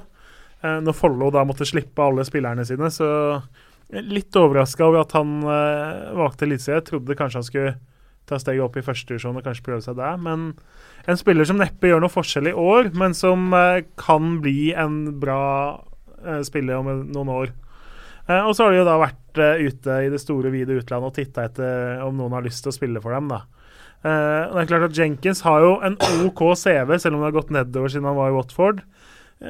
Gregov eh, hørtes jo ut som en spiller eh, ikke var helt sikre på hva de hadde funnet sjæl, nesten. i. Det hørtes ut som det var mest YouTube-videoer. eh. For å si det sånn, at de hadde ikke en fyr som lå i buskene og titta på hvilke filmer han så på på kvelden. De har ikke gjort det så grundig scoutingarbeid. Så både han og denne José Manuel Cruz er eh, Viking har trengt å prøve å altså, De har ikke hatt gode nok kort på hånda, så da trekker du et kort fra bunken og håper at det er et S. da. Eh, og Det er det Viking har vært nødt til, og det er det de har gjort her. Det kan være tre utlendinger som eh, vi latterliggjør om noen måneder, eller tre spillere som vi hyller fordi at Viking har eh, kommet seg opp på kvalik eller sikker grunn. Ja, Uh, helt enig. Og det er, det er helt tydelig at de måtte gjøre noe rydding i, rydding i stallen, rett og slett. Og det, det har de prøvd å gjøre, og da blir det, blir det som det blir. Det blir spennende å se. Jeg tror egentlig at Stavanger på mange måter har forberedt seg på, eh, på Nerik allerede nå. Dette er toppfotball. Til helgen er det igjen klart for Eliteserien. Det er deilig. Det er uh, veldig deilig. Det har vært, øh, det har vært en lang pause. Eh, vi skal selvfølgelig gi lytterne uh, det de trenger å vite før, uh, før runden spar sparkes i gang. Vi skal først til Lerkendal Vangstein, Rosenborg-Kristiansund. Ja, det er jo eh, på mange måter topp mot bunn, Ja. naturlig nok. Det er ikke så lenge siden de møttes. De møttes jo allerede 3. juli i Kristiansund. i Et fyrverkeri av en kamp som endte 3-3. Mm. Det var jo der Rosenborg fikk uh, utligninga ganske seint. Og det var da andre gang de møttes noen gang i offisiell kamp. Og forrige gang endte det 1-1 i 2008 i Kristiansund. Da vant eh, Kristiansund 3-1 etter straffer i en cupkamp. Så, men allikevel så tror jeg dette blir ganske grei skuring for serieleder Rosenborg. Uansett hvordan det går i kveld om noen minutter. Vi sitter og spiller nå onsdag kveld eh, i Champions League-kvaliken mot Celtic. Og uansett hvilke spillere de sender utpå på lørdag, eh, så tror jeg Rosenborg tar dette veldig greit. Rosenborg er gode hjemme. Beste hjemmelag i Eliteserien med 6-2-1 og 27 i målforskjell på Lerkendal. Eh, Kristiansund har 1-1-6 og 9-18 i målforskjell borte, og er betydelig bedre hjemme i år enn eh, enn på bortebane. Um, Rosenborg har ingen karantener og kommer fra en ganske sterk 3-0-seier bort mot Sogndal. Kristiansund heller ikke karantener og kommer fra 1-1 hjemme mot Vålerenga. eh, men som sagt, grei H her er mitt eh, råtips. Stalltips. Stalltips H. Hva tenker du om eh, Stabæk eh, Bankers? Ja? Eh, det vet jeg du har sagt før, og da er det endt med uavgjort på Lerkendal. Jeg er ikke noe god til å tippe. God til å prate, si. Eh, Stabæk, Sandefjord, Kjernås, hva tenker du? Nei, De møttes jo samme runden, så de har bare rukket å spille to eh, kamper etter at de møttes eh, sist, de lagene her òg. Eh, da var jo Stabæk på en veldig sånn losing streak før den kampen, og så snudde det med å ta en viktig 2-1-seier i Sandefjord. Eh, sånn at de da har sju poeng de siste tre kampene, og nå er jeg litt sånn midt på tabellen isteden. Eh, men Sandefjord da på en måte havna eh, bakpå igjen, så det var jo to lag som lå helt likt. Eh, Stabæk imponerte veldig og knuste Sogndal 5-0 her i en treningskamp sist helg. Uh, har jo da fått inn uh, Jon Ho Sæter fra Rosenborg, som spilte da. Uh, Emil Bohinen, sønnen til Lars. Eh, får se om han får starte da mot fatters sitt lag. Han skåret et fantastisk mål i den kampen eh, mot Sogndal nå, så kanskje kan han senke faren sin uh, til helga. Uh, Sandefjord har jo vært det laget som uh, overraskende nok eh, før ferien har fått kanskje mest oppmerksomhet i ferien, da. Eh, hvis vi ser bort fra Rosenborgs Celtic-møter, da. Pga. dette Forlan-tullet, som vi nesten må kalle det. Eh, men så har de likevel eh, Altså, de har jo styrka seg litt eh, likevel og henta tre mann og eh, utenom det her, da. De har henta to mann via Terje Livrød sitt kontaktnett osv. Uh, og så har de på en måte, som vi har nevnt, de har sett ganske ålreite ut. De har ikke blitt utspilt så altfor ofte i år. Eh, men det her er en kamp likevel hvor altså Stabæk er favoritter. De har hjemmebane, de vant det motsatte oppgjøret for en måned siden. Eh, de er over på tabellen, jeg forventa å være bedre. Så det er en H som utgangstegn på kupongen det her òg.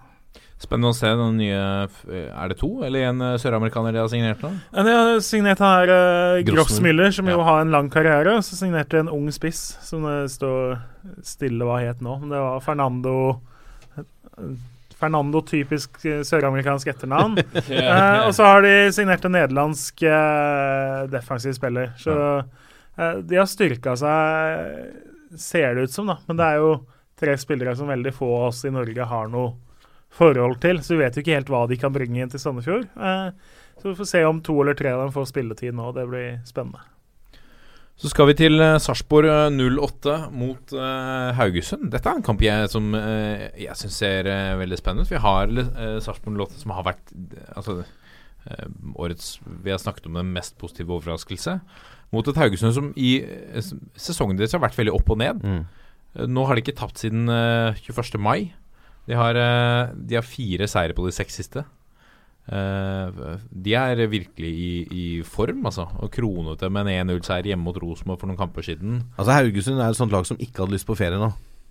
Ja, ja, ja for de var i så god form. ja, For dette er en faktor òg. Ja, ja, helt Nå klart. kommer vi tilbake fra ferie. Hva Hvordan håndterer de ferien? Ja. Ikke sant? For det blir noen dager fri, og så begynner du å trene igjen, og så skal du inn i kampmodus igjen.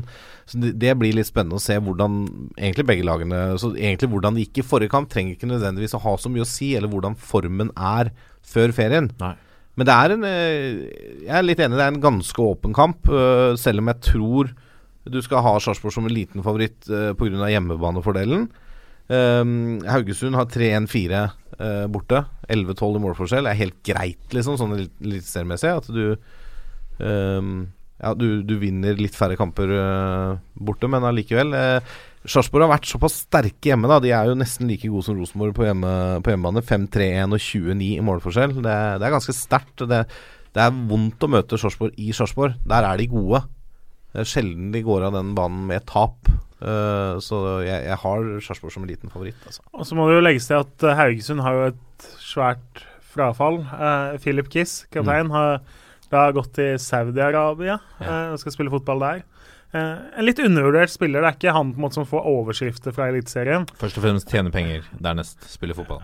Ja, det virker sånn altså, når du velger det Men vi snakka om han før sesongen, at han er en veldig bra spiller. Fantastisk. Han er nesten den som jeg tenker at når vi har snakka om den dype rollen til Rosenborg, at uh, hvis de skulle hatt én spiller inn der, så ville jeg nesten valgt han først av uh, aktuelle uh, Kandidater. kandidater. da, før han gikk nå. Så det er et klart tap for Haugesund, som nå driver og leter etter erstatter eh, for han. da. Så eh, skal eh, Et oppgjør som jeg også gleder meg litt til å, å få med, er Viking som tar imot eh, Lillestrøm. Eh, Viking fordi de har eh, signert eh, en halv elver. Eh, Det har jo Lillestrøm òg. Ja, de har øh, ja, Lillestrøm henta en tre, tre mann. Tre-fire? Mann. Neida, men, vel, spennende å se. Jeg syns det er veldig spennende å se Marco Tagbajumi, om han får til på topp der. Uh, for da kan vi plutselig se han tilføre noe helt nytt i det, i det laget der. uh, for, for Lillestrøm. Lillestrøm med, med tre seire på de seks siste kampene. Viking som jo virkelig er nede i sumpa. Men det er vel, nå er det litt sånn brett opp ermene. Dette er siste Ikke siste mulighet, men, for det er mange lag som gjør det dårlig i år. Men, men eh, det er mye nye spillere. Jeg er veldig spent på å se hvor mange av disse som på en måte skal gå inn og ta en plass på laget. Men nå fikk jo Viking en veldig viktig seier i siste kamp før ferien, borte mot Odd. Det er riktig. Uh, men dette er jo en sånn kamp hvor sant, du har Lillestrøm, som vi snakket om, som ligger så dypt. Mm. Og satser så på disse kontringene og dødballene sine. Og det er ikke sikkert at Viking syns det er sånn kjempegøy, altså, å få det hjemme. Eh, jeg tror nok Viking skulle ønske seg litt mer rom da enn det Lillestrøm kommer til å gi de. Ja. Eh, for Viking har jo ikke vært i form og har den selvtilliten til at de skal spille ut et lavtliggende lag. Nei. Så, men det er, det er som du sier, det er litt sånn skjebnekamp for Viking nå. De må begynne å plukke jevnt og trutt med poeng nå. Og da skal hjemmekampen mot lag som Lillesund vinnes. Mm. Eh, så får vi se hvordan det blir. En kjedelig 0-0, eller Jeg syns det er den mest interessante kampen nesten eh, den runden her. Det er, ikke den, det er jo ikke en runde som har de største oppgjørene. Eh, så et helt nytt Viking mot et eh, ganske nytt Lillestrøm-lag. Mye interessante aspekter her. Så av kampene klokka seks eh, i søndagsrunden, så i det nøytrale Kjernåske hjem, så blir det i hvert fall Viking Lillestrøm som blir satt på. Ja, eh, apropos skjebnekamper. Det begynner å Det begynner å rogne litt på på Alfheim eh, også, nå med en ny eh, trener. Eh, det også er en faktor man må ta, man må ta og legge til grunn når Ole Gunnar Solskjær og Molde kommer på besøk. Kjernås, hva, hva tror du vår finske venn får til der oppe mot Molde? Nei, først så ble jeg helt satt ut av Sa vi rogne på? Rogne på, ja? Røyne på, det har jeg sagt. Men Ja. ok, det, Du kan si rogne på, kan du ikke? Kan man det? Jeg Er ikke, er ikke rogn, holdt på å si Jeg har hørt folk si Fiskens- funke fjell Dette i dette studio. Så Ja. rogne på. Det kan ha vært meg. Eh, ja. Han sier funke. Uh, Tromsø, ja, som vi sier. Altså, nå fikk de jo Det kan ikke ha vært veldig gøy å være nyansatt uh, trener eh, i Tromsø, så sitter du og ser at laget ditt blir pissa på av Sandefjord eh, før ferien. Eh, de har en ganske stor jobb å gjøre der. Nå har det jo vært spekulert i om mange av de her offensive spillerne skulle være på vei ut. Det har ikke skjedd så veldig mye. De har lånt ut unge Fredrik Michaelsen til islandsk eh, fotball. Eh, og ellers fått, fått tilbake Lasse Nilsen da, på venstrebekken og sendte med han svensken som sleit benk på samme plassen. Eh, jeg er veldig spent. Nå er det liksom Vallakarik sin første kamp hvor han får sett sitt preg da, på laget. Hva er det han tenker? Hvordan legger man opp gameplanen eh, mot uh, et av de mest formsterke lagene i Eliteserien på hjemmebane? Uh, for Molde, de har sett ganske bra ut. Uh, nå har de også henta inn Prøvd å løse den kanskje fremste problemplassen da, ved at de henta inn Telo fra Nordkjøping. Skal gå inn på venstre wingback hos dem. Bjørn Bergman Sigurdasson har sett fantastisk ut og vært i meget god form. Molde er jo Jeg tror ikke Sarpsborg og Brann er gode nok, sånn som det ser ut nå, til å utfordre Rosenborg. Jeg tror ikke Molde er det heller, men jeg tror Molde er det laget som har størst sjanse, om noen, til å utfordre trønderne denne høsten her. Eh, så for meg så er de greie favoritter, i hvert fall på Alfheim. Men som sagt, jeg er veldig spent på hva Vallakari tenker med det Tromsø-laget han skal berge nå. Ja. Hva med Odd, da, som ikke har eh, kjøpt en ny spiss? Som er, synes jeg er godt fornøyd med 12 mål så langt på 17 kamper. Eh, Vangstein, nå tar de mot Sogndal. Ja, nå tror jeg, Det er ikke sikkert at det nødvendigvis bare er spissplassen du går på, men det er jo litt med hvordan du angriper som lag. Men Nå skal jo de ut i en ganske spennende e-cup-kvalik, eller Europaliga-kvalik i morgen mot eh, Dynamo Zagreb. Mm. Uh, fikk med seg et greit resultat. eh, 2-1-tap borte der. Spennende å se hvordan den kampen går. Men det er som du sier, skårer lite mål og har da 8-5 i målforskjell hjemme på 4-2-2. Altså Det er småkjedelig eh, på, Det er helt dritt. på, på Skagerrak i år, for å si det sånn. Ja. Det er dritkjedelig. Ja. Eh, Sogndal har 1, 3, 4 og 5 15 i målforskjell borte. Det er ikke sånn kjempemye å rope hurra for det heller. Eh, nå er det bare to poeng som skiller, selv om da Odd har en kamp mindre spilt. Eh, skiller også to plasser. Nå ryktes det jo at Sogndal sliter litt på stoppeplass, da. Og de har jo nettopp fått nei av Even Hovland. Han ville ikke tilbake til Sogndal. Hva skjer med Hovland, apropos? Nei, det han havner sikkert i en eller annen utenlandsklubb et eller annet sted. Kanskje IFK Göteborg nå som Thomas Rogne går til Lekkposten. Jeg vet ikke, søren. Ja. det, det er jo helt umulig å vite. Eh, Kjetil- Veler, fortsetter han? ja, skada. Ja. Har et kne som hangler, så de skal sjekke ut hva som er status med det kneet. Og det vil vel legge premissene på om han spiller høstsesongen eller ikke. For han har jo sikkert et liv å tenke på etter fotballen nå. Eh, så det er litt spennende. Han har jo vært meget viktig for uh, Sogndal-forsvaret i eh, vår. De kampene han har spilt og ikke spilt, har vært stor forskjell på, rett og slett.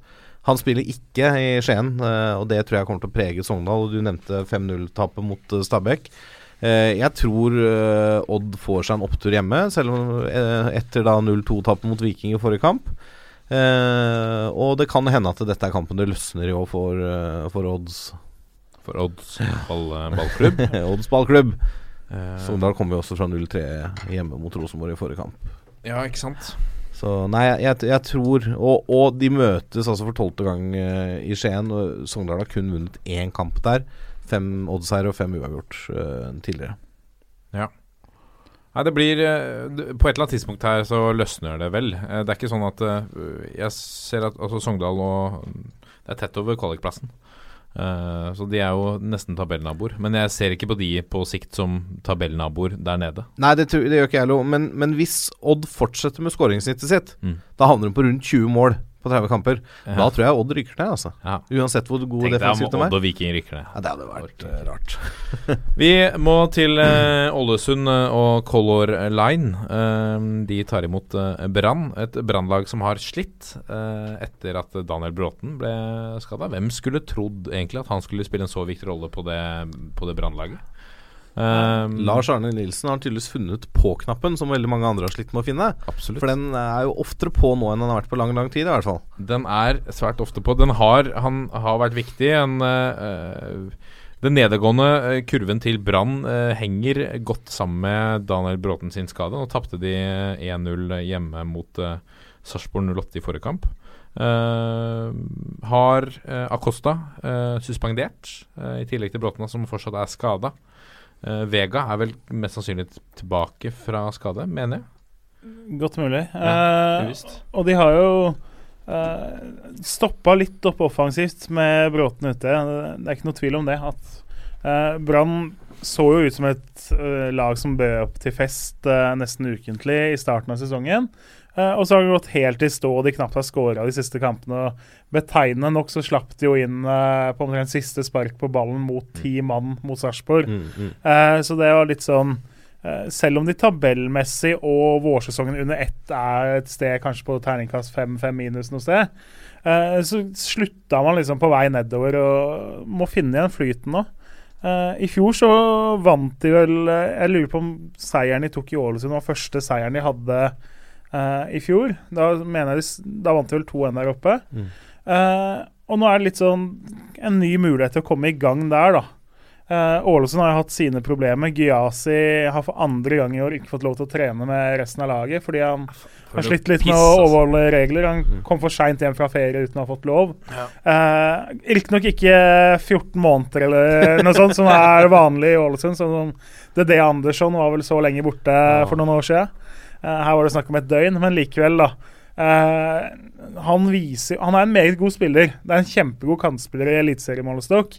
Uh, Men viser jo litt med holdninger og uttalelser at han har egentlig ikke lyst til å være i Ålesund og norsk fotball mer. Han ser jo på dette som et uh, karrieresteg, og så har han vel trodd at han skulle hoppe videre mye tidligere enn han har gjort. Og så preger det han, og har sikkert litt dårlige holdninger og sånn, og det er jo Selvfølgelig kjipt for Ålesund å få en sånn uh, sak i fanget nok en gang. Det er ikke Eh, det du vil ha hvis du er en utenlandsk klubb heller. Det er ikke det du ser etter. En som, en som kom for seint og Igjen da tilbake til scouting. Tror du at dette kommer fram?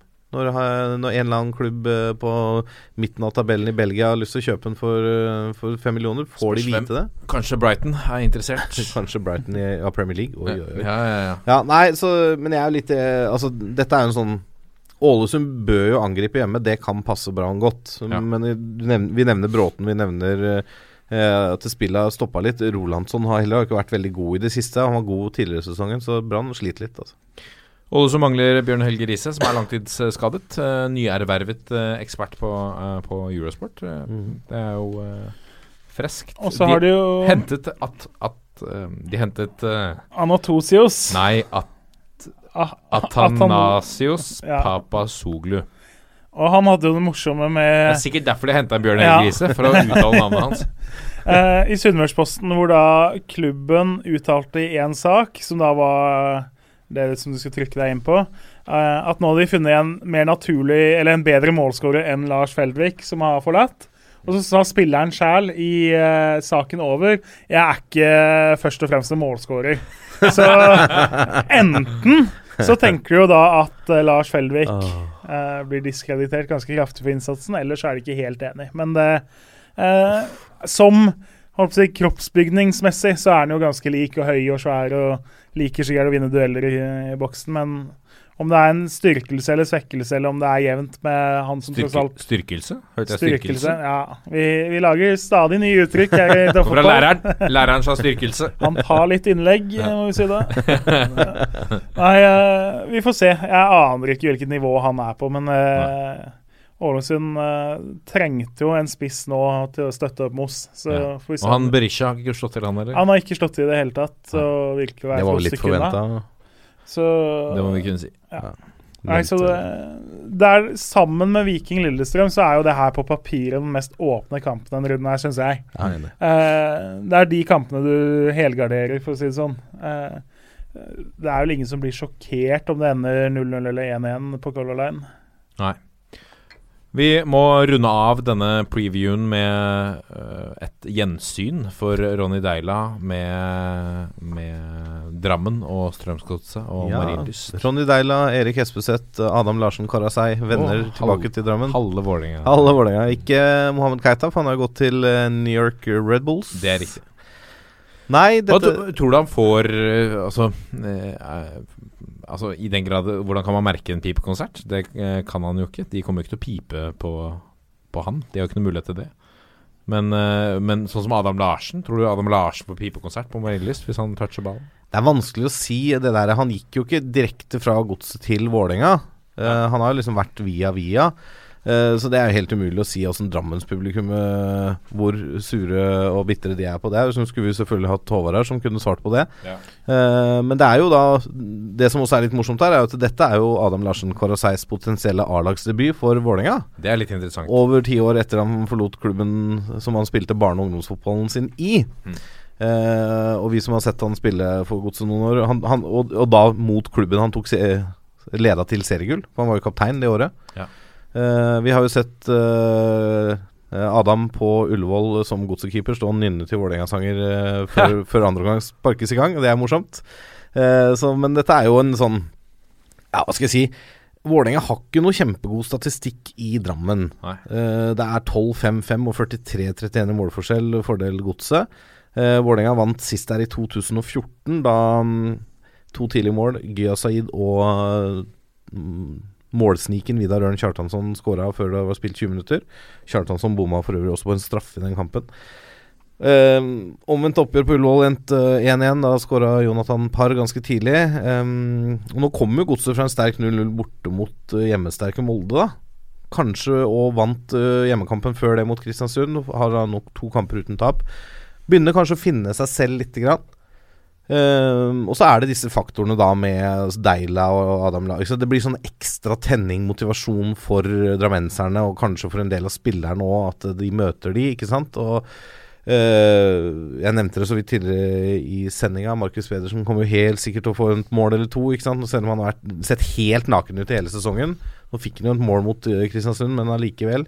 Ingen karantene på noen av lagene. Vålerenga har ikke tapt på syv kamper, og da er vi tilbake til der. Men nå har det vært en ferie.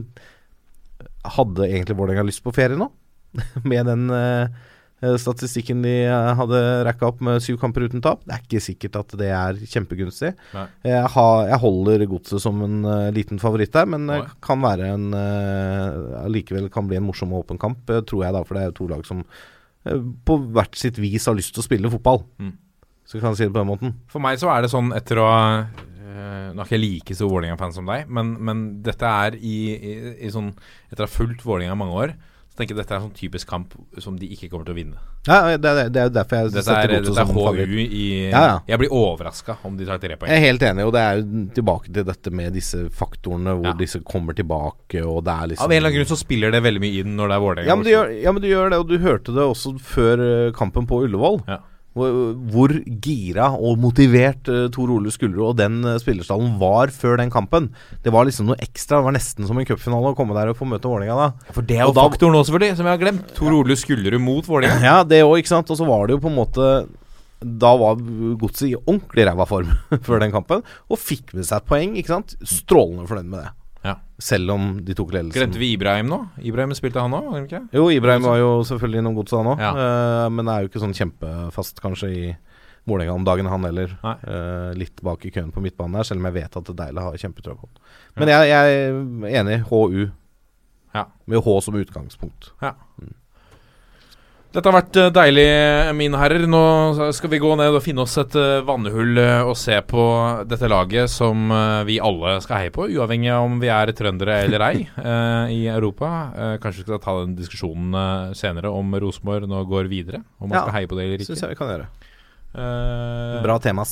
Bra temas. Uh, send oss gjerne mail på toppfotball at 451.no. Eh, på eh, altså tips til nye potensielle Vardi-spisser. Eh, målkonger. Vi vil gjerne høre om det. Generelt, om du har spørsmål eller tips. Få det på. Legg gjerne inn en rating òg. Da blir vi kjempehappy. Kontakt oss på Twitter. Eh, Facebook, Twitter, Instagram. Alt mulig. Ikke Snapchat. Bare glem det. Bare glem det. Eh, vi må avslutte på den måten vi alltid gjør. Én, to, tre. Vi er en gjeng. Ha det! Ha det!